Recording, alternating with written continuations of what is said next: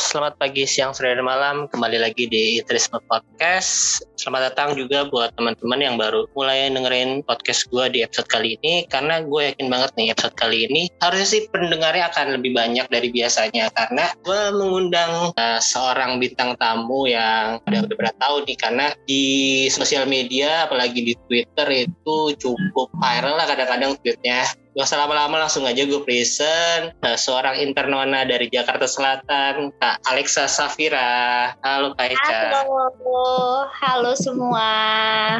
Bener kan ya dipanggilnya Kak Eca ya? Iya, Nah, Kak Eca, Kak Alexa terserah. iya. Terima kasih banyak untuk Kak Eca yang udah mau meluangkan waktu jadi bintang tamu di podcast gue. Nah, Sama-sama. seperti biasa eh, podcast yang undang Kak Eca pasti nggak jauh-jauh dari pertanyaan tentang gimana bisa suka sama Inter. Sebenarnya walaupun gue udah sering dengerin podcast yang undang Kak Eca kayak podcast Suara Fans, Sepak Pojok, MF YouTube, nah itu tuh udah udah ada jawabannya kalau kalian belum pernah dengerin itu Kak Eca suka Inter dari game ya sebenarnya Iya, tahun 2009 dan dan awalnya dari main game betul nggak? iya betul betul betul dari PS PS1 ya berarti ya. Winning Eleven ya. sama kalau gue gue juga dari eh, awalnya main Winning Eleven cuman gue tahun 2003 atau 2004 lah tapi kayaknya kalau 2019 sudah PS3 atau PS2 ya waktu itu kayak mainnya Oh enggak, dari 2009. 2009 masih Winning Eleven kok. Eh Iya, tapi nggak tahu ya antara Winning Eleven tuh antara di PS1 atau di PS2. Nah itu dia. Kayak PS1 sih, masih Winning Eleven. itu main sama adanya yang ngajak? Iya, jadi eh aku main eh, sama adik aku satu-satunya itu. Kayak karena aku tuh nggak beda jauh kan umurnya. Terus ya udah dia lagi suka-sukanya tuh sama MU dan aku lagi benci-bencinya sama bola gitu loh. Kayak duh apaan sih ini permainan? Gak jelas banget gitu kan. Kayak apa sih bola satu direbutin? gitu. Terus akhirnya karena dia nggak punya temen dan aku juga satu-satunya temen dia di rumah itu gitu. Akhirnya dia, dia ngajakin aku kan kayak "Eh, ayo kita main ini main PS bola gitu. Terus kayak aku nolak "Ah, apa sih ini? Nggak aku nggak suka gitu. Ayo coba-coba dulu aja coba dulu gitu. Akhirnya aku coba deh aku tuh coba aku nanya-nanya gitu kan ini apa ini apa? Dan dia bilang dia ngarahin aku tuh ke klub. Terus aku nanya ini klub apa? gitu. Ini klub negara mana terus dia bilang itu Italia Serie A. Oke aku langsung milih itu aku gak ngerti kenapa. Stick aku tuh kayak langsung ke analog ya itu ya yang bulat-bulat itu tuh. Ya analog ya? Iya itu kayak Ya. langsung ke, ke Serie A gitu. Aku langsung cari paling aku ingat banget dia tuh baris dua terbawah terus kayak di sebelah kanan gitu. Warnanya eh biru hitam gitu. Dan aku langsung nanya kan ini apa? gitu. Oh itu Inter kok dia jago gitu. Oh oke gitu kan. Ya udah aku langsung asal klik aja. Terus pas aku ini mainin aku gak ngerti kan kayak apa namanya line up-nya gitu-gitu. Tapi pokoknya aku masang formasi 4-4-2 dan strikernya itu si Diego Milito sama Samuel atau oh aku gak ngerti deh. Aku itu masang itu kan. Hmm. terus pas aku mainin lah gue jago gitu kan. Jago. Jadi pas di situ ngerasa wih jago banget nih pakai Milito gitu. Terus ya udah jadi semenjak itu suka. Jadi apa apa main PS bola eh, itu selalu pakai Inter dan selalu masang si Eto'o sama Milito ya udah sejak saat itu ya sampai sekarang. Oh, kayak jadi gitu. itu adanya kan cowok ya berarti ini beda lagi ya sama ade yang sering diajarin ngaji. Kalau itu ada sepupu kalau yang kecil Eh, aku Iya. punya aku cuma punya satu adik doang. Oh. Soalnya nggak pernah muncul nih kayaknya adanya Keca di Instagram atau di Twitter. Iya iya gitu jadinya. Ya udah semenjak itulah semua kesetresan ini terjadi. Berarti tahun 2009 itu Keca masih SMP atau SMA no SD masih SD? iya 2009 SD kelas Oh, 5 oh iya, gue gue udah SMP sih itu berarti. Iya iya. iya. Nah, eh, terus kan Keca pernah nge-tweet juga nih salah satu tweetnya itu foto sih sebenarnya waktu itu ngerjain tugas atau makalah. Nah itu tentang Inter. Nah itu gimana ceritanya tuh? Eh, skripsi maksudnya Oh bukan bukan. Ada kok waktu itu pasti pakai eh, apa jilbab baju putih makalah apa apa ya? Itu kayaknya belum belum belum kuliah deh. Yang mana Iya. tuh? Mungkin aku lupa. Ah, udah kuliah tapi. Hmm, kayaknya sih belum kuliah, kayak masih sekolah nih. Pokoknya ada kayak kertas gitu, terus di depannya ada lambang internya kalau nggak salah deh. Oh ya? Sih aku lupa. Ingat nggak? Coba ya. Bentar ya, aku cari dulu ya. Bentar, bentar. Oke, gimana tuh? Aku nggak tahu apa tuh. Tahun 2013 pas hari Jumat lagi ujian praktek bahasa Inggris dan di sini aku mempresentasikan klub juara Italia kemarin. Setia ya aku, ada fotonya, terus dikasih stiker mukanya, depannya ada, pokoknya ada itu masalah atau apalah. Ingat gak? Iya, iya, iya, ingat ya. Jadi itu SMP kelas 3 dan itu lagi ujian praktek. Dan ujian praktek bahasa Inggris itu kan kita kayak menjelaskan sesuatu gitu intinya. Apa pun gitu terserah kita. Kita intinya mendeskripsikan sesuatu dan kita menjelaskan itu gitu. Dan jadi disuruhnya kita ngeprint sesuatu itu kayak gambar nanti kita ya explain aja gitu. Nah karena aku lagi ya tahulah 2013 kita lagi masa ini ya jahiliyah di situ tuh. Tapi Iya, aku tetap tetap ini, aku tetap mempresentasikan si klub bola ini. Ya udah aku bilang kayak aku suka sama Inter pakai bahasa Inggris intinya ya. Hmm. Suka Inter, Inter itu ini ini ini ini ini aku jelasin dia tuh klub bola dari Italia. Terus juga sejarahnya aku jelasin pakai bahasa Inggris juga. Terus teman aku foto itu jadinya ya udah kayak aku pas aku lihat kan kayak oh my god ternyata masih ada tuh foto gitu. Ya udah jadi pada saat itu juga aku tuh pas SMP bener-bener satu sekolah kali ya. Itu tuh yang suka inter.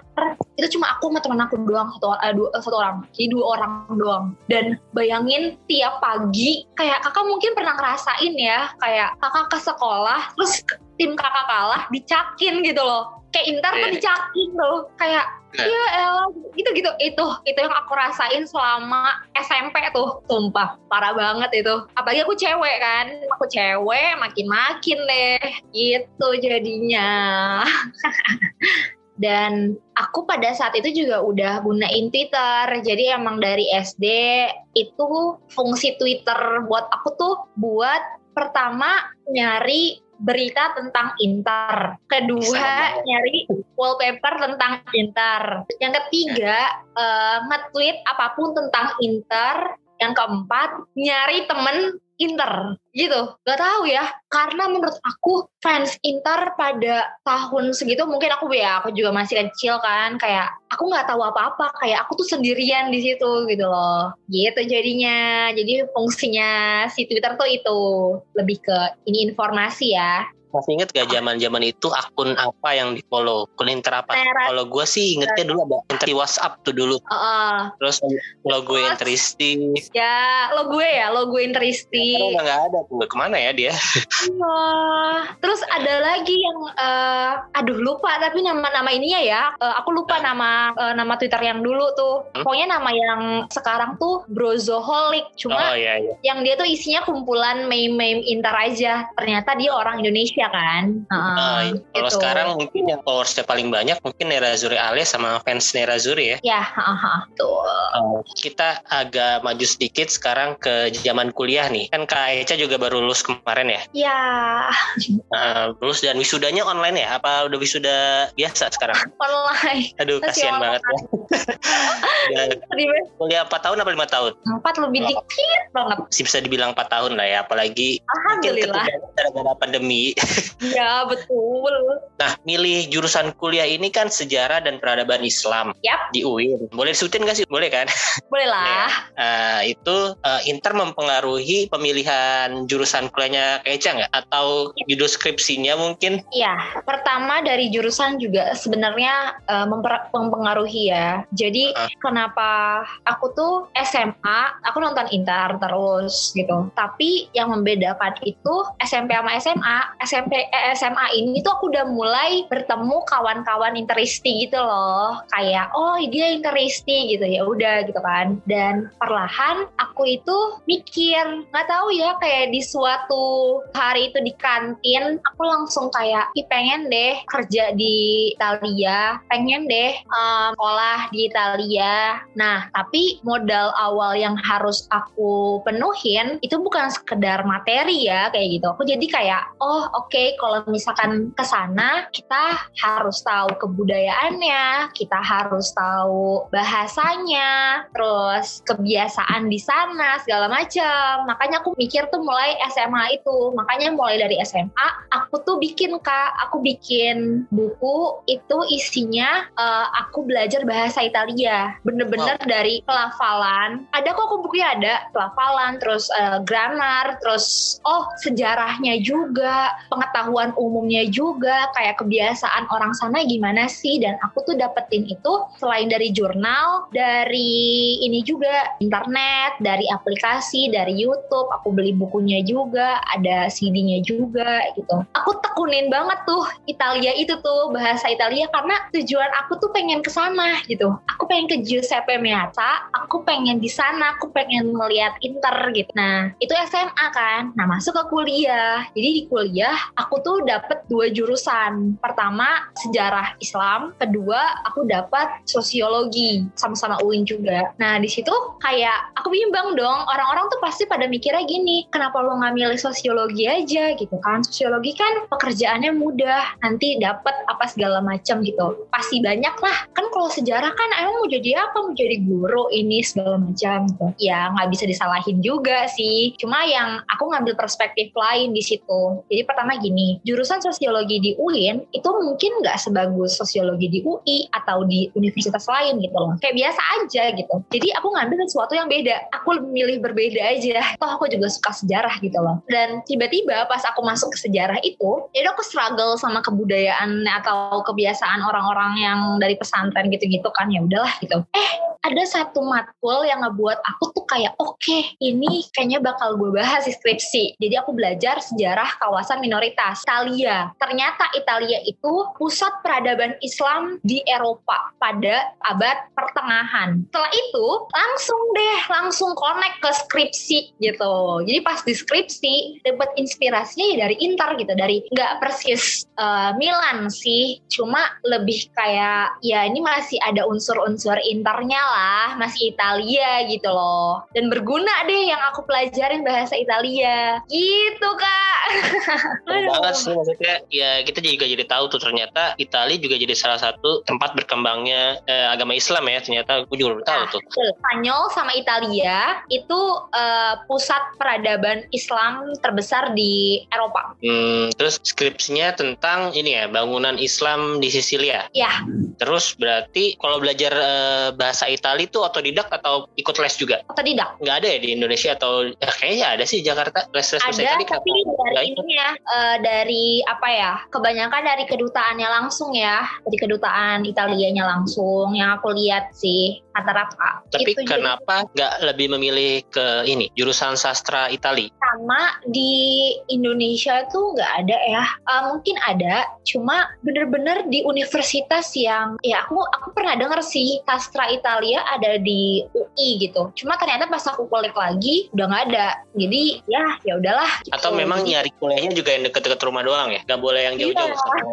oh, Gak boleh ya paham sih. Namanya juga anak cewek pertama lagi iya nggak bisa nobar nggak bisa. Aduh capek deh gitu deh. Emang kalau misalnya diizinin sebenarnya pengen kuliah di, di daerah mana? Um, sebenarnya pengen sih nyobain di luar kota. Cuman kalau di luar kota ya pengennya yang daerah yang dingin dingin kali ya Brawijaya gitu gitu pengen nyoba aja pas, tapi kayak pas banget tuh gue lulusan situ. Oh iya wow. Emang enak banget sih di Malang tuh suasananya uh, orang-orangnya, makanannya, tempat tinggalnya, terus murah-murah. Ya, dingin banget ya kayak di sana. Eh, ada satu musim yang dingin itu namanya musim maba. Jadi di mana maba-maba tuh udah mulai eh, datang ke Malang. Maba kan ma- mahasiswa baru tuh udah mulai datang ke Malang itu di- lagi dingin-dingin ya biasanya tuh di Agustus September lah. Oh, bulan-bulan ini ya berarti? Iya iya. iya. Wow. Kita balik lagi kalau misalnya kan tadi cita-citanya juga pengen ke Italia tepatnya ke Giuseppe Meazza. Nah selain ke Giuseppe Meazza tempat lain yang mau dikunjungi mana lagi nih? Apa nih eh, berkaitan sama bola kah atau Eh, bebas aja maksudnya kan kayaknya Oke, pengen banget ke Italia nih. Pasti udah ngulik-ngulik juga kan beberapa tempat destinasi. Oh, ah, jadi selain ke Milan, aku udah pasti banget pengen ke Sisilia karena itu adalah ranah aku di situ tuh aku udah mungkin aku hafal ya Palermo, eh, Calabria, apalagi tuh Sirakus kalau nggak Sirakus. Si suka makan. Oh iya Sirakus.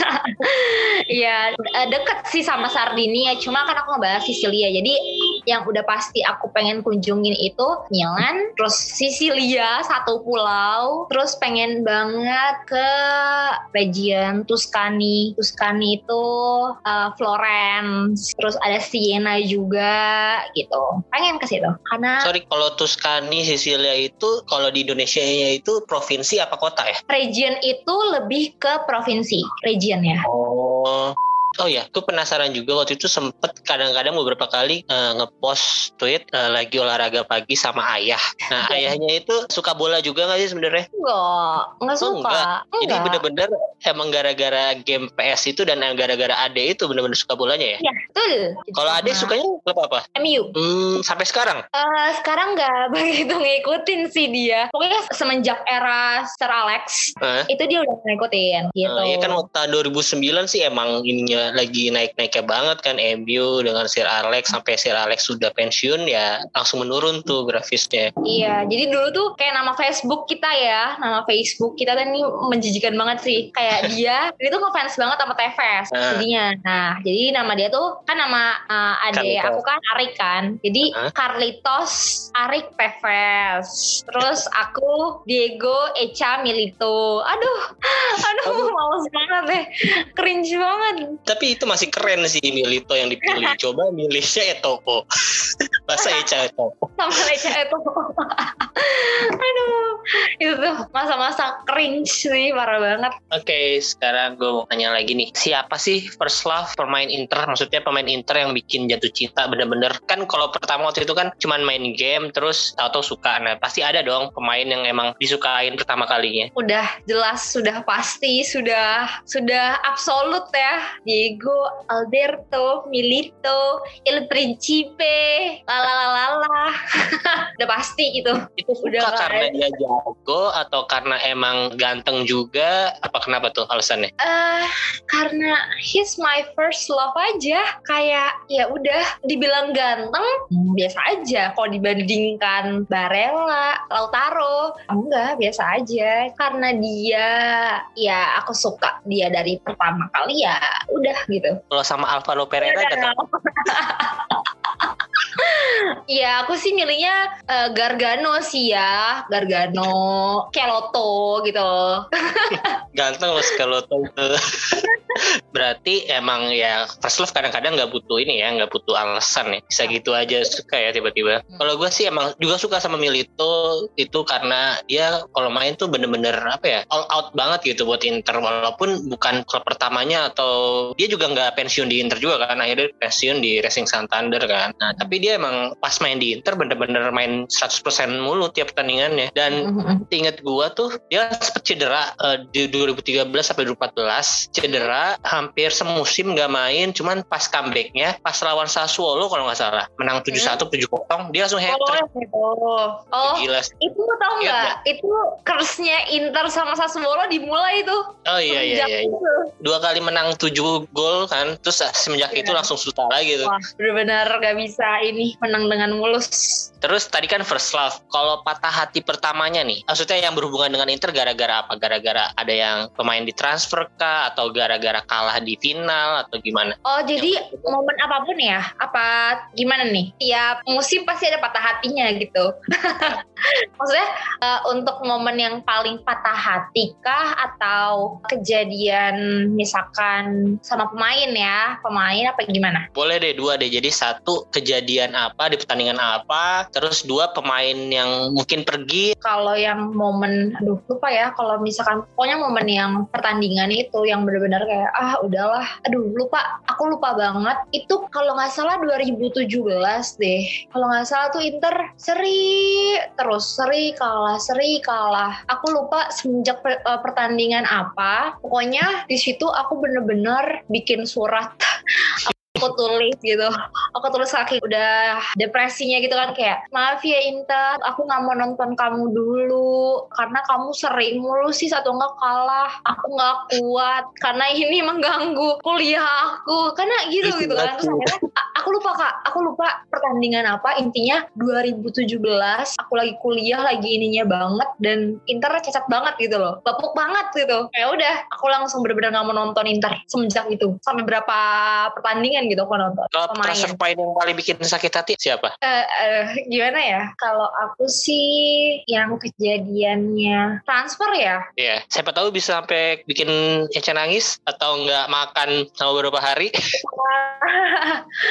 Kalau misalkan itu baru ini sih, baru si Hakimi sama uh, ya Conte ya. Waktu Conte bener-bener dia setelah kita juara itu udah memutuskan nggak lanjut dan Hakimi juga itu ah, kayak sedih banget sih itu. Itu nggak berasa juaranya. Nggak yeah. berasa banget juara. Kalau luka aku nggak ya. Nggak itu tuh malesin banget udah. Nggak nggak peduli kok sama dia. Cuma kalau Hakimi sama Conte karena Conte walaupun rival ya dia bener-bener profesional gitu. Setuju setuju. Dan sedih banget. Sampai sekarang tuh masih kebawa gitu loh. Iya. kayak kalau nginget-nginget ih yaudahlah gitu. Dia Conte. Icardi nggak?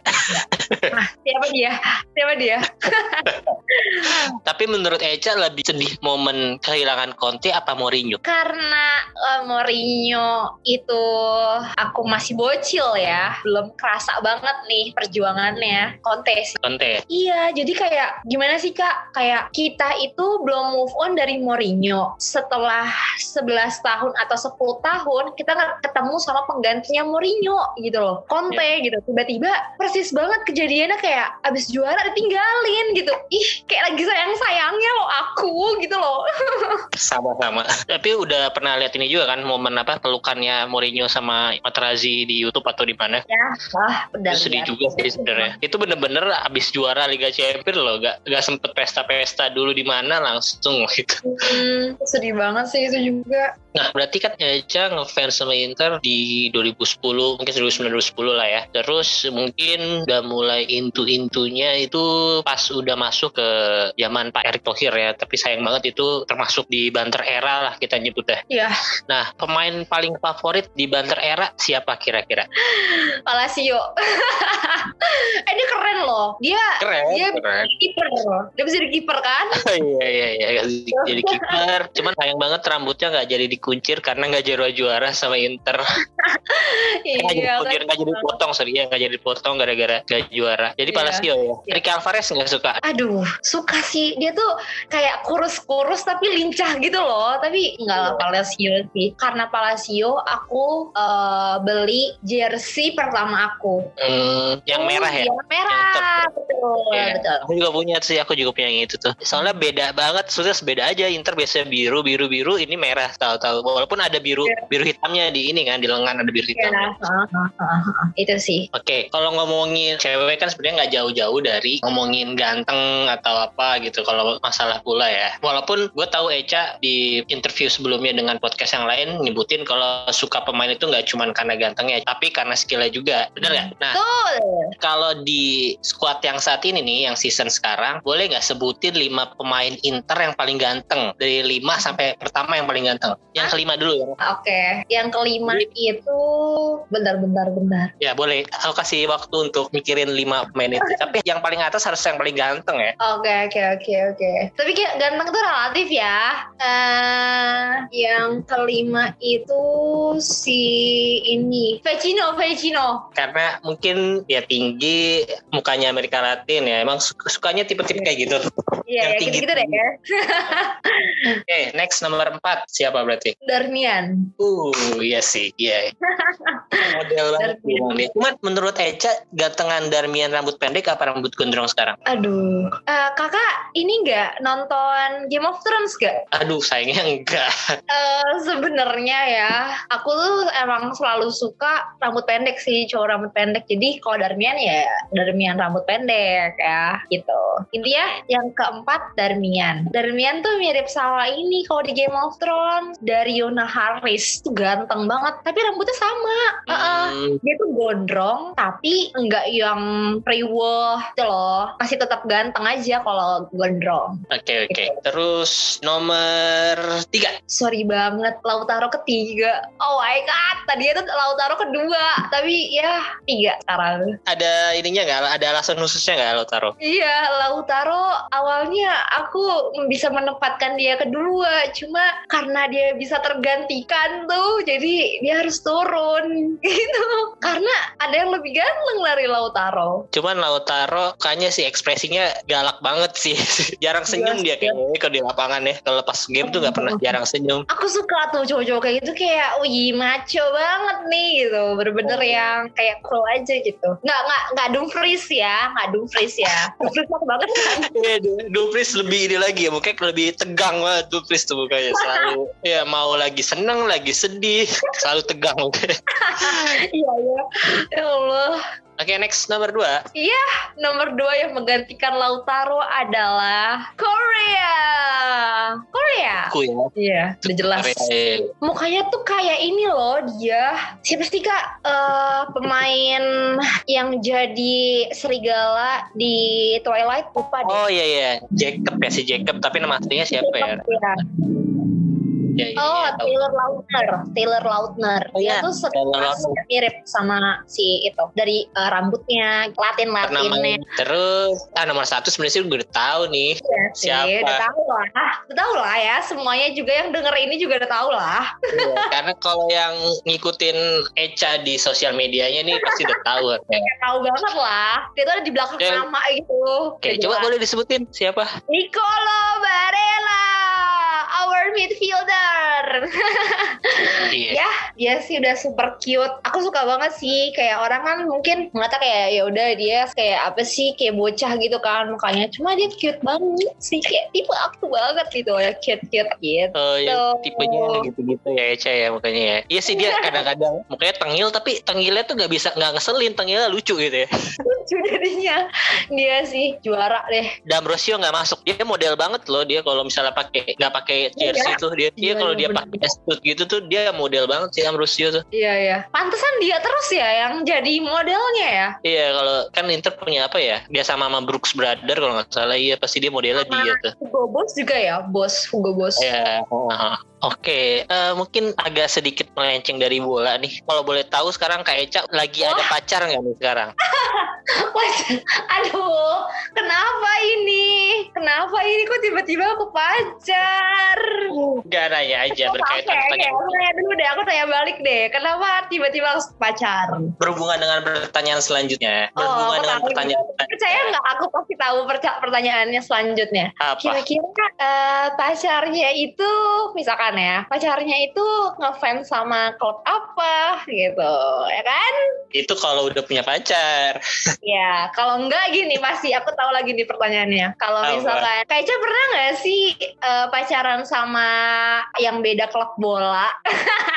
ya kan? Ya udah nggak jauh-jauh dari itu sih sebenarnya. Hampir betul. Coba dijawab dulu. Ya pokoknya eh, kalau aku lagi fokus sama aku, jadi aku nggak aku nggak mau pacaran dulu. Terus juga ya udah kayak aku mau fokus sama aku dulu aja gitu. Jadi nggak jadi sekarang sendiri aja. Ya jadi untuk teman-teman yang ngedengerin sekarang nih, sebenarnya kabar baik sih. Jadi kalian masih ada kesempatan untuk ngedeketin. Eca. Parah.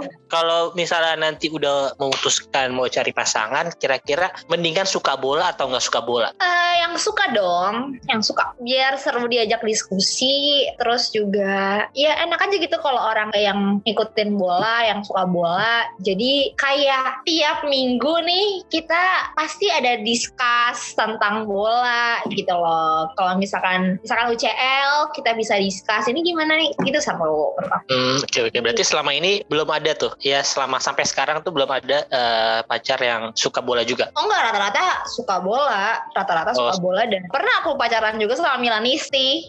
Wah habis habis banget sih aku sama Milanisti sih gila kayak tiap derby Milan sih. Gila berantem berantem pak iya dia tipenya yang suka ngecengin ngecak-cakin gitu atau emang yang kalem aja uh, gitu hubungnya kalah. Nah ada yang kalem kan ada yang kalem oh ya udah oh. gitu kan ya udahlah gitu. Namanya juga bola. Ini enggak ini nggak mau kalah. Iya tipikal Milanisti lah gimana sih? Yeah, tipikal Milanisti nggak mau kalah pede luar biasa. Oh, gitu. Sama bisa membunuh tanpa menyentuh aduh. Aduh ya Allah. Tuh kata-kata itu tipikal Milanisti ya. Jadi itu tuh semenjak itu kayak hah? Serius nih? Ini orang bener-bener gak mau kalah banget. Ya udahlah berantem gitu. Oke okay, oke. Okay. uh, eh, oh ya kalau ngomongin fans rival nih fans yang paling maksudnya yang yang sering cekcok atau sering bikin kesel di sosial media apa sih? Yang sering mention mention lah atau emang DM atau gimana? Mention sih ya kebanyakan ya. Kalau misalkan DM kan ya udahlah gitu. Kalau misalkan uh, mention tuh kadang yang pokoknya yang pasti banget ya yang pasti banget annoying itu tuh Milanisti kedua MU aku nggak ngerti ya kayak bener-bener fans MU saking banyaknya itu tuh bener-bener yang ya kan sama juga sebenarnya MU sama Milan karena mereka sama-sama yang fansnya banyak ya. Jadi mereka itu tuh overconfident banget udah gitu kayak ibaratnya aku nggak nanya sesuatu tentang klub mereka atau aku nggak ngebahas sama sekali tentang klub mereka gitu. Terus mereka tuh langsung tiba-tiba nyambung nyambung nyambung aja gitu kayak ya Inter mah kayak gini kayak gini. Ya sih lo? Gitu. Lo nggak nggak usah ikut-ikut gitu. Gitu. Jadi dua tuh si Milanisti terus MU terus sama yang ketiga itu Juve. Juve itu lebih kayak dia itu karena mungkin rata-rata udah tua ya kalau fans fans hmm. Juve ya. Jadi mereka masih pola pikir mereka tuh pola pikir yang ya kolot aja gitu. Fans Juve sih biasanya karena emang udah ternyata tua itu mereka ya sebenarnya banyak yang lebih dewasa sih. Jadi mereka kalau debat pun mereka dengan ada yang kayak gitu, uh, ada juga yang kayak gitu. Data dan segala macamnya sih kalau biasanya fans Juve. Mm-hmm. Hmm, oke okay, oke. Okay. Masih ngomongin rival nih, kalau pemain rival yang paling disebelin sekarang siapa? Udah pasti banget Cuadrado. Udah. Musuh tua Tristi emang ya Cuadrado musuhnya Perisik. geli banget sih, tingkahnya tuh kayak geli banget sih. iya sih, iya. tapi kalau kalau misalnya Cuadrado main di Inter, gue justru malah seneng. Iya. Inter punya main kayak gitu. Justru dibutuhin gitu loh. Iya, buat ngisi ya secara skill juga sebenarnya juga nggak jelek-jelek banget kan dari Fiorentina, Chelsea sampai Juve dia kepake sampai sekarang aja masih udah ganti pelatih dia masih kepake di Juve. Ya hmm. emang berguna sih main kayak gitu. Cuman kalau kita jadi lawannya emang ngeselin banget itu orang. Nyebelin banget sih yo. Gue mager banget sih kalau udah lawan Juventus terus udah dia gitu dan dia langsung bertingkah gitu. Aduh, males. Iya dan waktu musim kemarin tuh gue lebih was-was kalau Cuadrado yang main daripada Chiesa yang di posisi kanan tuh. Iya bener. Karena kalau Chiesa ya ya mungkin tipikal winger-winger yang suka diving-diving juga. Sebenarnya Cuadrado juga suka diving sih apalagi yang momen terakhir kemarin di yang dia nyelengkat diri dia sendiri lewat. Ya, iya itu kak itu loh kayak ih apa sih lu gitu kayak gue tuh ya kayak di di di Twitter tuh udah kayak di najis sudah apa sih lo najis dia udah najis najisin kuadrado aja deh. Kayak paling gue benci ke dia gitu. Najis banget. Kalau sama Ibra sebel gak Ibra? Bremovic Ibra enggak ya. Biasa aja sih. Jadi hmm. kayak nggak terlalu lah. Dia dia tuh masanya sebenarnya udah lewat aja gitu. Jadi nggak perlu di, disebel-sebelin banget gitu. Karena kan udah tua juga kan. Oke okay, oke. Okay. sekarang gue mau ngasih sedikit quiz quiz atau quiz trivia sih. Lebih tepatnya tentang nggak jauh dari musim lalu kok pertanyaannya juga gampang-gampang. Cuman buat ngetes Kak Eca ini beneran ngefans gak sih sebenarnya sama Inter? Apa cuman buat naikin followers doang nih? Wow wadaw. Gampang kok cuma lima pertanyaan. Oke okay, bismillah deh. Gak boleh googling ya? Oke okay, nih tidak ada. Oke okay. pertanyaan pertama. Ini berhubungan dengan salah satu pemain yang Eca favoritin juga nih. Ada di nomor tiga dia tentang Lautaro Martinez. Uh, siapa nama istri Lautaro Martinez? Agus Gandolfo, Gandolfo apa Gondolfo sih? Agus lah, si Agus. Iya, Alexa betul. sebenarnya namanya Alexa. Dia nikahnya sama cowok ternyata ya Lautaro. Emang Agus. Tepatnya sih namanya kalau nggak salah Agustina Gandolfo. Tuh. Iya Gandolfo ya. Hmm, pertanyaan kedua nih. Inter kan musim ini mendaftarkan tiga kiper di skuad utamanya. Mm-mm. Nah, pasti kalau nyebutin nama pasti tahu sih semuanya. Pertanyaannya berapa nomor punggung kiper Inter tiga-tiganya kalau dijumlahin? Shit. Duh. Aduh bro. Aduh bro. Aduh, gara-gara jarang main lupa ya. Tunggu. Kalau si si siapa yang satu lagi si Alex juga Hmm. itu 33 ya? Nah, Radu kak, kak, aku cuma miss sama Radu doang sih. Asli, Radu lupa. Itu sekitar, bentar, bentar, bentar. Kak, mungkin ya, aku nggak bisa ini pastinya lah jumlahnya. Paling sekitar 50-an kak. Aku kasih ini nih, kasih clue deh. Radu Oke. itu nomor punggungnya sesuai sama tahun lahir ya. Ah, 9 berapa dia? 98 ya? Sekitar 100 Ah, nggak tahu 111 100 115 ya under 120 lah. Kak, aku atau pasti, Kak. Lupa. Aku kasih tau deh, si Kordas bukan 33, 33 masa kamu lupa siapa? Ah, lupa 34. Eh, 30 berapa sih ini? 34 ya? Aku 33 ingat kan 30. Our Savior Danilo D'Ambrosio. Oh, ya, Our 33. Savior, iya, iya, iya. Lupa hari aku pas deh, Kak. Kayaknya under under 120 sih. Ya, aku nyerah, Kak, untuk yang gini, Kak. Salah di 120 ya? Iya, ngasal-ngasal situlah pokoknya 100. Oke. Ini kalau bener berarti gila sih kalau bener ya. 120 pas ya. Coba ya kita jumlahin bareng-bareng. Handanovic nomor Satu. satu. Oke. Alex Kordas itu nomor 21. Aduh, kan. Terus, Satu tambah dua satu dua dua. Kalau Ionut Radu nomor 98, ini hasilnya bener nih 120 pas. Kalau Iya, kalau Ionut Radu nomor 98 ya kalau ya kalau. oh iya ya. Iya salah. 99 ya dia ya. 99 Sebenarnya ya. Pinamonti dong. Sebenarnya Pinamonti kemarin. Nah, gue kasih tahu ya, Andre Ionut Radu ini lahir di Bukares, Romania, tanggal 28 Mei tahun 1997. Tidak. Jadi 97 tambah 22 sama dengan 119. Ya, 119. Beda satu doang. Hampir bener deh. Oke, nggak apa-apa. Masih ada tiga pertanyaan lagi. Parah banget sih. Oke, pertanyaan yang ketiga masih soal angka nih. Kan Eca mulai suka gara-gara game bola itu di tahun 2009 ya. Hmm. Nah, kebetulan kan kita ngetek hari ini tanggal 14 Oktober atau 1410. Siapa pemain dengan nomor punggung 14 dan 10 pada tahun 2009 saat itu? 10 harus udah tahu sih. Di 10? 10 siapa? Tunggu, tunggu, tunggu. Kan 9 Eto. Oh, Hmm. Snyder, Snyder 8 kan? Eh, Snyder 8 8 Thiago Motta tuh aku kasih tahu tuh. Ah, 8 ya udah semua ada Snyder. Iya. Oke, satu lagi aku kasih tahu deh yang terakhir nih. Yang nomor 14. Siapa ayo? 14 itu Ivan Cordoba kan? Eh, Ivan Cordoba enggak di 25 deh. Di 25, bukan. 14 tuh siapa? Mau aku kasih clue nggak? Apa? Clue-nya dia pemain asal Prancis. Posisinya midfielder. Waduh, Prancis ya? Mm. Eh, bentar, bentar, bentar. Ini kasih aku waktu ya, Kak. Boleh. Mm-mm. Eh, Prancis. Jadi tengah kah? Mm-mm. Bentar ya, ini kan Atau aku kasih satu clue, cuman kamu yang nanya mau clue-nya apa? Mau tentang klub sebelumnya? Oh, awalnya apa nama nama pendeknya nama ini apa? ya selain, selain namanya. Jarang loh main Prancis main di Inter. Iya, betul. Nah itu dia makanya. aku. Eh sumpah, ini deh kak. Coba aku mau nanya ya. Apa? Eh, nama deh kak, tapi hurufnya tuh depannya aja deh kak. Inisial deh, boleh inisial. Ah inisial tuh gimana maksudnya? Dua. Oh, dua huruf ya? Boleh. Ya, nah dua dua dua suku kata, eh bukan dua suku kata, misalnya Alexa Safira dua gitu maksudnya, AS gitu Ah, misalnya. Oh, iya, iya. Ini inisialnya PV, PV. Ih, bukan Pandev. Eh, bukan. Yang Itu kan- Pandev. Goran itu- Pandev ya. Pevi. Iya, V. V, V-nya nih, nih V-nya nih. P-nya justru kan. Nama nama panggilannya tuh V-nya justru. Rese. Aduh, rese. Nah, justru aku cari yang spesifik biar kan nggak banyak biasanya V. Biasanya lebih gampang jadinya. iya. Maksudnya kan panggilannya kan biasanya kan depannya dong. Eh, enggak dong, belakangnya ya. Mm-mm. Aduh, sumpah aku nggak. Eh, tenang kak ya, aku masih mau mencari kak. Kalau emang belum nyerah nggak apa-apa, aku tungguin. Nanti dikat kan? Iya, aman.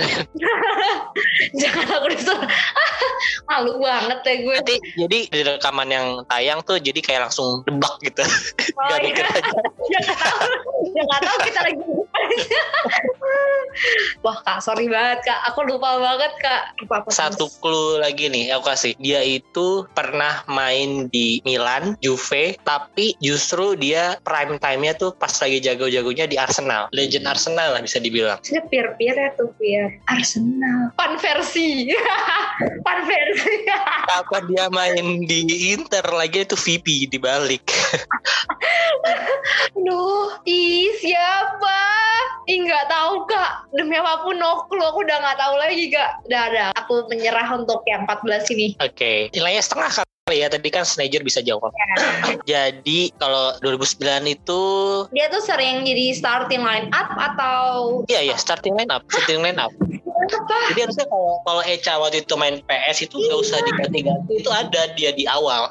Nah itu dia gitu loh. Itu siapa? Tara, tara, tara, tara. Dia di Arsenal tuh. Nah, sekarang udah pensiun orangnya. Jadi pensiunnya aku kasih tahu nih di Manchester City. Jadi setelah ke Inter dia pindah ke Manchester City. Habis itu main semusim doang kayaknya terus pensiun. Oh dari Inter dia ke Manchester City. Iya ke Manchester City ikut sama Roberto Mancini karena dia dibeli dari Inter juga waktu zaman Roberto Mancini. Wah, Roberto Mancini yang keberapa nih yang dia balik ke Inter atau yang pas pertama? Yang Yang kedua ya? pertama Oh. kan zaman 2009 kan itu yang dia sebelum ganti Mourinho. Kan uh, sempat balikan kan sama Mancini lagi kan Inter tuh. Ya itu 2016 kalau nggak salah ya. Oh, oke. Berarti aku aku duh lupa lupa. Ya mungkin masih baru-baru banget suka Inter. Ya. Jadi jawabannya itu Patrick Vieira. Pernah dengar kan tapi? Enggak, ya Allah. Iya, tapi ya jujur aku nggak aku bener-bener ini banget ya. Eh iya sih itu dia. Cuma aku nah, udah udah udah oke emang salah. Nyesel gak? Nyesel gak? Ah. Duh, ayo ayo lagi. Kasih aku yang susah. Gak, kali ini gampang. Ini aku kasih tahu statistiknya musim kemarin di Serie A. Kamu tebak siapa pemainnya ya. Jadi statistiknya itu selama di Serie A musim kemarin dia main 28 kali, menit bermainnya 1229, 3 kali ngegolin, 2 kali assist, 2 kartu kuning. Siapakah dia? 28 kali eh, golnya berapa? 3 ya? Asis 2. Ya, kalau dari statistik kan gak mungkin striker, masa striker golnya segitu. Iya, nggak mungkin. Ini yang jelas bukan Lukaku dan bukan Lautaro. Tapi mainnya cukup banyak nih, 28 kali. 28 itu eh kita kan 30 berapa sih Kak? 38 ya? 28 ya. Berarti dia 10 kali enggak ini ya. Ini feeling aku ya. Duh feeling lagi deh. Kalau cewek emang selalu main feeling ya. Kayaknya Hakimi deh. Ya Hakimi nih. Aduh salah deh. Yakin Hakimi. Soalnya- Hakimi asisnya banyak loh nggak segitu Hakimi. Dia kan. Hakimi kalau nggak salah asisnya 10 atau 9 musim lalu di Serie A. Tengah Brozovic. Kalau kita lihat dari statistiknya kartu kuning dua berarti bukan back lah ya kan jarang pelanggaran. Terus mainnya cukup sering berarti cukup diandalkan Iya, oleh si Conte. kayak tengah Ah, deh. dari gol nggak terlalu banyak tiga berarti bukan striker assist juga cuma dua berarti nggak jago-jago amat kira-kira siapa tuh Ah jangan bilang Galiardini lagi. nggak, nggak mungkin, nggak mungkin. Eh mungkin aja. Kan dia waktu itu masih dimainin sama Conte. Eh nggak, nggak, nggak. Udah nggak deh. Ah kayaknya Brozovic deh. Brozovic ya. Aku antara ya. Brozovic, Perisic, Asliang ya. Ya Allah capek deh. jadi siapa nih Brozovic, Brozovic lah, Brozovic. dikunci ya Brozovic yakin Iya deh. Oke, ternyata pemain yang bermain sebanyak 28 kali, menyumbangkan 3 gol dan 2 assist adalah pemain yang paling kita sangat nggak suka dia main sekarang atau dari musim kemarin sebenarnya, yaitu adalah Paduka Roberto Gagliardini. Coba tadi pede dengan jawaban yang pertama. Aduh, kan, kan, feeling gitu loh. Tadi udah kasih clue tuh, udah, udah udah udah menjurus banget. Maksudnya cukup sering dimainin Conte. Ya emang Conte zaman awal-awal Iya. itu tuh mainin dia mulu sebelum si Erikson sebelum si Erikson dipercaya. Terus asisnya cuma dua, gol cuma tiga, nggak jago-jago banget kan berarti dari statistik. Emang kalau statistiknya Brozovic berapa gol dia? Oh coba kita lihat dulu ya. Kalau Brozovic sih sebenarnya nggak jauh-jauh beda sih, cuma asisnya lebih banyak kayak deh. Hmm. Kalau Brozovic justru tuh kalau yang gol lebih banyak daripada Gagliardini itu uh, si D'Ambrosio. D'Ambrosio 4 gol malahan musim lalu. Elah, tadi udah sempet tuh kayak Gagliardini apa ya? Soalnya iya benar, aku keinget sama yang Conte mainin Gagliardini mulu, kita sampai kesel banget kan. Kayak, ini apa Gagliardini mulu sih, Erikson nggak dikasih main gitu. Kalau Brozovic itu main 33 kali, golnya cuma dua lebih dikit, cuman asisnya 6 kali. Hmm. Nah, Males banget deh dia. Pertanyaan terakhir masih seputar musim lalu juga nih. Siapa pemain dengan kartu kuning terbanyak musim lalu? Um, banyak ya. Biasanya kan back karena jaga pemain kan. Iya, kayak kemarin enggak deh. Kayak enggak deh kak, kayak nggak mungkin back deh. Back kita aman-aman tentram damai deh kayaknya kemarin tuh. Iya sih. Kayaknya sih tengah lagi nih, tengah lagi. Siapa? Aku nggak tahu gitu kan nih. Aku kayak feeling aku ya, nih feeling aku Brozovic nih, tapi pasti bukan deh. Brozovic yang sering banget ini dia tuh kena terus kena terus gitu loh. Wah, sumpah kenapa sih susah banget? Itu tuh gampang-gampang susah sebenarnya. Iya. Susah-susah gampang, Deng. Aku kasih tahu deh. Pokoknya ini ini fun fact juga ya. Skriniar tuh musim kemarin cuma satu kali kartu kuning di Serie A loh. Hebat banget kan dia. Kan, Seorang big satu kartu kuning. Nah, Nah, Stefan de Vrij dua kali doang. back kita dulu itu tuh bener-bener aman tentram damai. Sentosa. Bener-bener Ya, pokoknya beda sama Milan sekarang ya. Skriniar sama Stefan de Vrij bukan pokoknya. Ya udah tengah nih pasti nih. Ya udah Brozovic lah. Brozovic nih ya. Ya lah. Tapi aku belum nyebutin statistiknya Bastoni loh. Jadi kan baru Milan Skriniar sama Stefan de Vrij. Cuma bukannya dia sama Sentosa damai ya bertiga tuh. Ya bisa jadi. Tahu, bisa jadi ya. Iya, jadi siapa nih? Tuh Tetap kan. Brozovic atau ganti? Vidal nggak disebut. Vidal kan agak-agak kasar tuh, agak barbar mainnya Vidal. Oh iya ya ada dia lupa. lupa ada dia. Kak jangan kasih aku pilihan kak. Jadi Iya. mau stay aja di pilihan pertama. Enggak Brozovic udah. Brozovic ya. Jadi tetap setia di jawaban pertama ya. Salah salah. Jadi gue sebutin statistiknya yang nomor satu ini ya, yang paling banyak kartu kuning. Ini totalnya sebenarnya di set semua pertandingan 11 kali, di Serie A 7 kali, di Coppa Italia 2 kali, di Champions League 2 kali. Di bawahnya itu ada 9 kali yaitu Ashraf Hakimi. Dia di Serie A 6 kali, Coppa Italia 2 kali, Champions League 1 kali. Di bawahnya lagi justru ada Romelu Lukaku yang 7 kali kartu kuning. Kalau tadi eh, Eca jawab Vidal, jawabannya salah. Karena Emang Vidal justru cuma 6 kali. Vidal justru 6 kali doang. Brozovic juga salah nih. Bastoni, Bastoni 7 kali di Serie A 5 kali, di Champions League 2 kali. Jadi yang nomor satu dengan total 11 kali itu adalah bener si Brozovic. Gils, gils. Untuk kali ini Iya. uh, stay di pilihan pertama ya. Coba yang tadi yang Gagliardini juga stay di pilihan itu tuh. Iya ya, karena gini kak, kenapa aku memilih Brozovic? Karena yang aku sering lihat, yang selalu kesel, selalu kayak gitu tuh reaksinya kayak gitu terus. Iya ekspresinya tuh khas banget ya Brozovic kalau habis kasih. tuh, kayak gitu.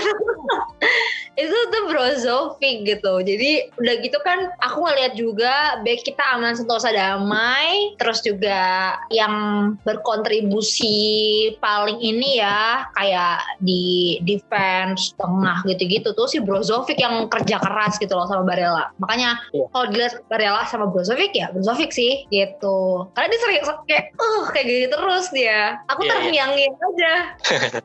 Karena ya kalau dari strategi pun misalnya Inter kena counter attack, Brozovic itu yang selalu jadi melakukan sacrifice ball ya biar nggak nggak diserang balik tiba-tiba. Biasanya emang Brozovic kalau nggak Barella sih kalau musim ini. Hmm, Ya, jadi jawabannya Eca betul berarti eh, dari lima soal tadi bener berapa ya? Tadi yang pertama istri Lautaro Martinez betul. Kalau emang kalau cewek-cewek soal peristrian atau gosip-gosip ini tuh selalu tahu ya. Pertanyaan kedua soal nomor punggung kiper hampir betul padahal itu ngasal. itu bisa lah kak itu bisa lah di ini sedikit lah Ada satu angka doang. Loh. Nomor loh. Soal statistik pemain tadi juga yang gagal ini jawabannya hampir betul kalau dia gak ganti seperti ini. Pertanyaan nomor 4 tentang pemain nomor 14 mungkin agak lupa tapi nomor nomor 10-nya betul Sneijder. Dan pemain terakhir kali ini dia cukup yakin dengan pilihan pertamanya dan menjawab Marcelo Brozovic. Jadi total berhasil menjawab dua setengah lah ya dua setengah. Itu tolong yang nomor kiper itu loh. Itu Oh, ya udah jadi setengah juga yang itu deh. Ya udah jadi tiga, jadi tiga skornya. kak, itu nggak setengah kak nilainya kak itu sedikit banget itu kak. Coba tadi kamu Ya jawabnya nggak nggak nggak kayak ngasal tuh kasih bener pasti. Cuman Dua kayak per ngasal. tiga, oh, kak itu dua per tiga loh kak. Ya. Iya iya. Ya udah boleh deh jadi tiga setengah betul ya. Setengah. Tapi ya, masih ada nilainya lah. Aduh. Nggak apa-apa. Nah, gue salut banget sih sama Eca yang jarang sih sebenarnya yang suka bola. Mungkin banyak yang suka bola cuman karena eh, tampang pemainnya. Bisa suka Ronaldo yang ganteng katanya. Terus suka Messi. Cuman Eca ini bener-bener suka eh, sepak bola. Tepatnya suka Inter gara-gara ya emang bener-bener tahu-tahu aja gitu ya.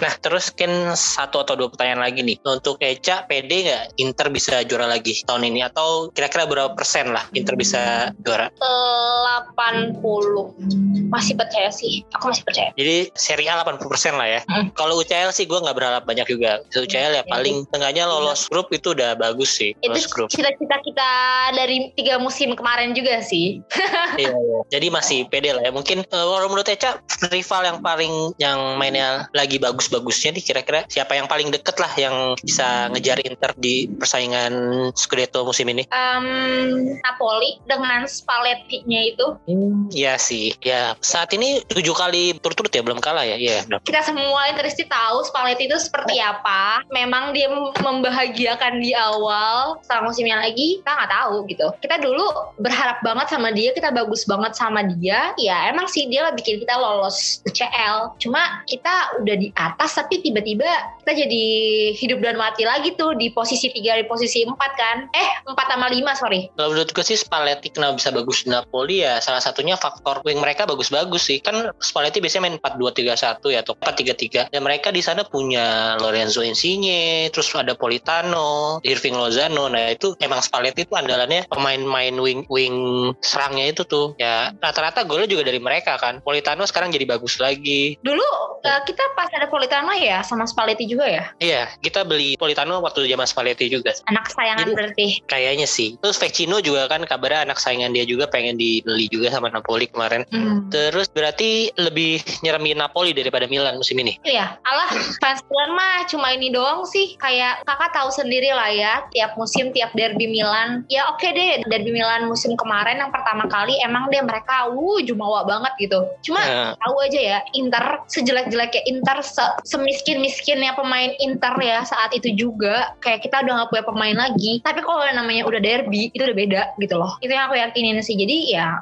buat apa takut sih gitu. Jadi biasa aja. Dulu kan Milan lagi kenceng-kencengnya banget kan gitu. Iya, iya. Dan sekarang juga Milan juga lagi bagus sebenarnya ya. Kan Dari ya dari sekarang tujuh pertandingan dia serinya dua kali ya. Eh sekali doang ya. Nah, sekali sekali seri Inter yang sekali dua kali dan bisa menang lawan Juventus, lawan Lazio sama eh sama Atalanta kemarin. Atalanta seri. Hmm. Ya, jadi ya menurut gue sih Milan juga bisa jadi salah satu yang mengancam perburuan Scudetto juga sih musim ini. Cuman eh, kabarnya si Mike Mainan tadi sama Theo Hernandez akan eh, absen nih beberapa pertandingan karena si Mainan ini lagi cedera pergelangan tangannya harus dioperasi dan kemungkinan dua bulan nggak main dan si Hmm. Theo Hernandez lagi COVID-19.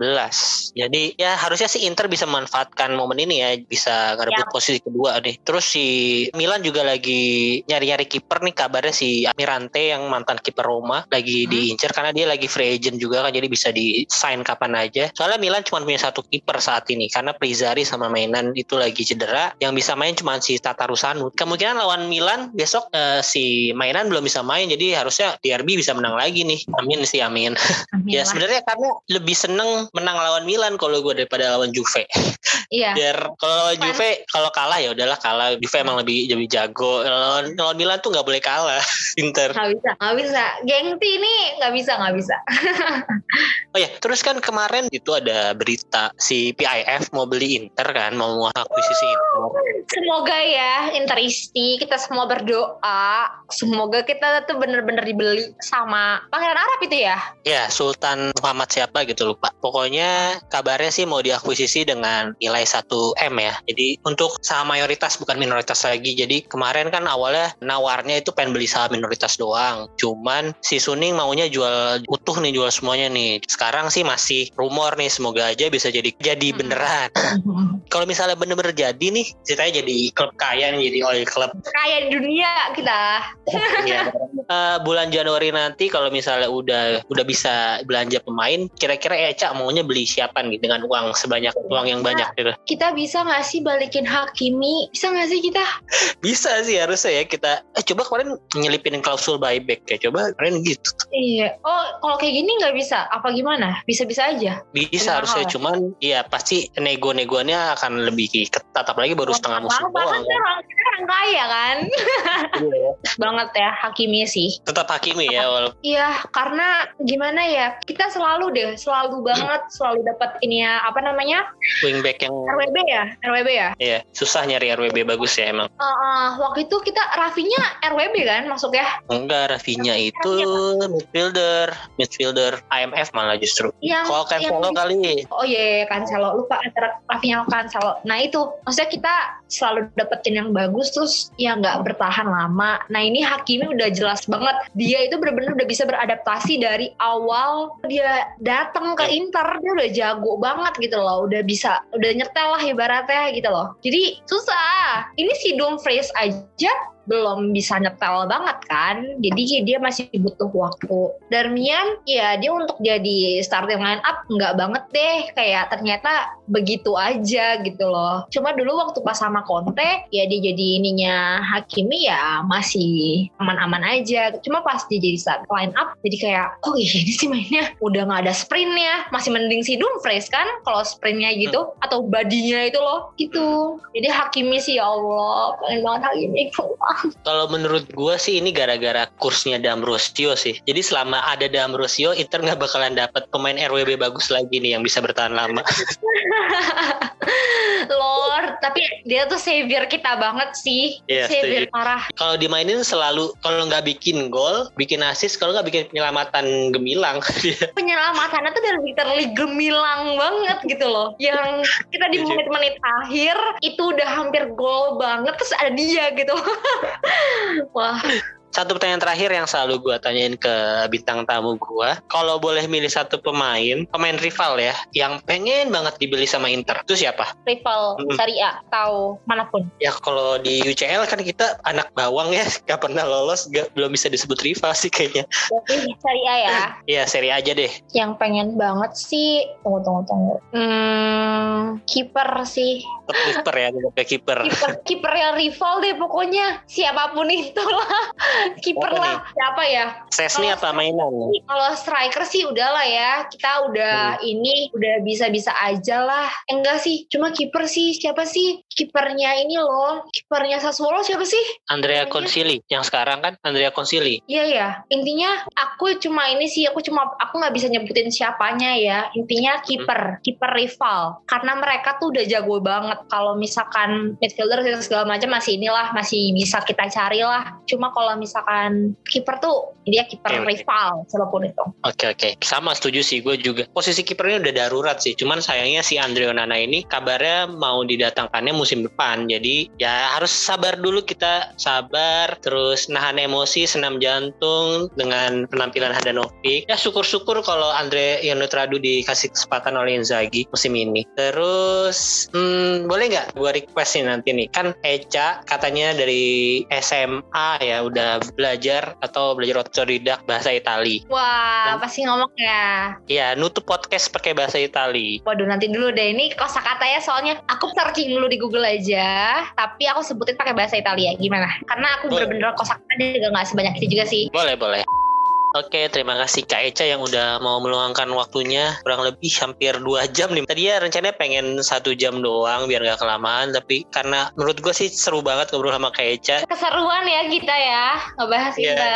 Ya semoga ya Kak Eca juga merasa nggak ngebosenin atau semoga bisa menambah jadi makin suka sama Inter ya. Terus kalau misalnya nanti gua ngajakin lagi, kira-kira mau nggak? Iya, kalau ada waktu akunya bisa, aku bersedia kayak sekarang. Tuh. Dan kebetulan kan kita sama-sama tinggal di Jakarta nih. Hmm, Kalau bisa sih maunya nanti ketemu langsung kali ya biar lebih seru lagi ngobrolnya. Jakarta mana kakak? Sebenarnya tinggalnya di Bekasi sih, cuman kerja di Jakarta Selatan juga. Jadi Oh, nggak jauh gimana? lah. Di daerah Oh, di situ.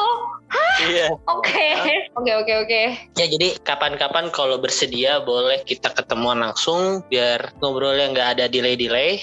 Uh, sekali lagi terima kasih dan buat teman-teman yang baru dengerin podcast episode ini jangan lupa di follow akun Spotify-nya dan sekarang kalian udah bisa dengerin podcast gue di aplikasi Noise. Kalau kalian belum tahu aplikasi Noise itu apa, aplikasi Noise itu sama kayak Spotify. Di sana ada beberapa podcast yang seru-seru juga. Ada podcast originalnya juga. Terus kalian bisa dengerin radio-radionya dari Mahaka Integra. Terus jangan lupa juga follow akun sosial medianya Interisme Podcast. Kalau di Instagram itu di Interisme Podcast, di Twitter ada Interisme Media. Kalau ke Alexa mah nggak usah dikasih tahu lagi ya, pasti udah follow semua kalian. Instagram sama Twitternya Alexa Safira kan ya sama ya? Ya, digabung ya. Alexa Oh iya digabung. Lansarada. Aduh, males deh. Kalau TikTok ada nggak Kak Eca? Enggak. Ya mungkin aktifnya di Instagram sama Twitter aja ya sekarang ya. Yap. Ya siapa tahu kalian ada yang belum follow, langsung follow aja. Pasti kalian nggak mungkin inilah, nggak mungkin nggak follow juga sih. Aduh. Terima kasih Kak. Terima kasih banyak sudah undang. Ya sama-sama. Sorry ya sampai malam nih jam 11 nih nggak kerasa. Ya, apa. Ya begitulah. kalau sama aku. Ya udah, tadi gua ada request ke Eca buat tutup podcast ini. Silakan Eca. Buonanotte a tutti, non dimenticare di ascoltare Interisme Podcast che fa in onda settimanalmente su Spotify e Noise. A presto, Forza Inter per sempre. Yay, Forza bye! Ciao.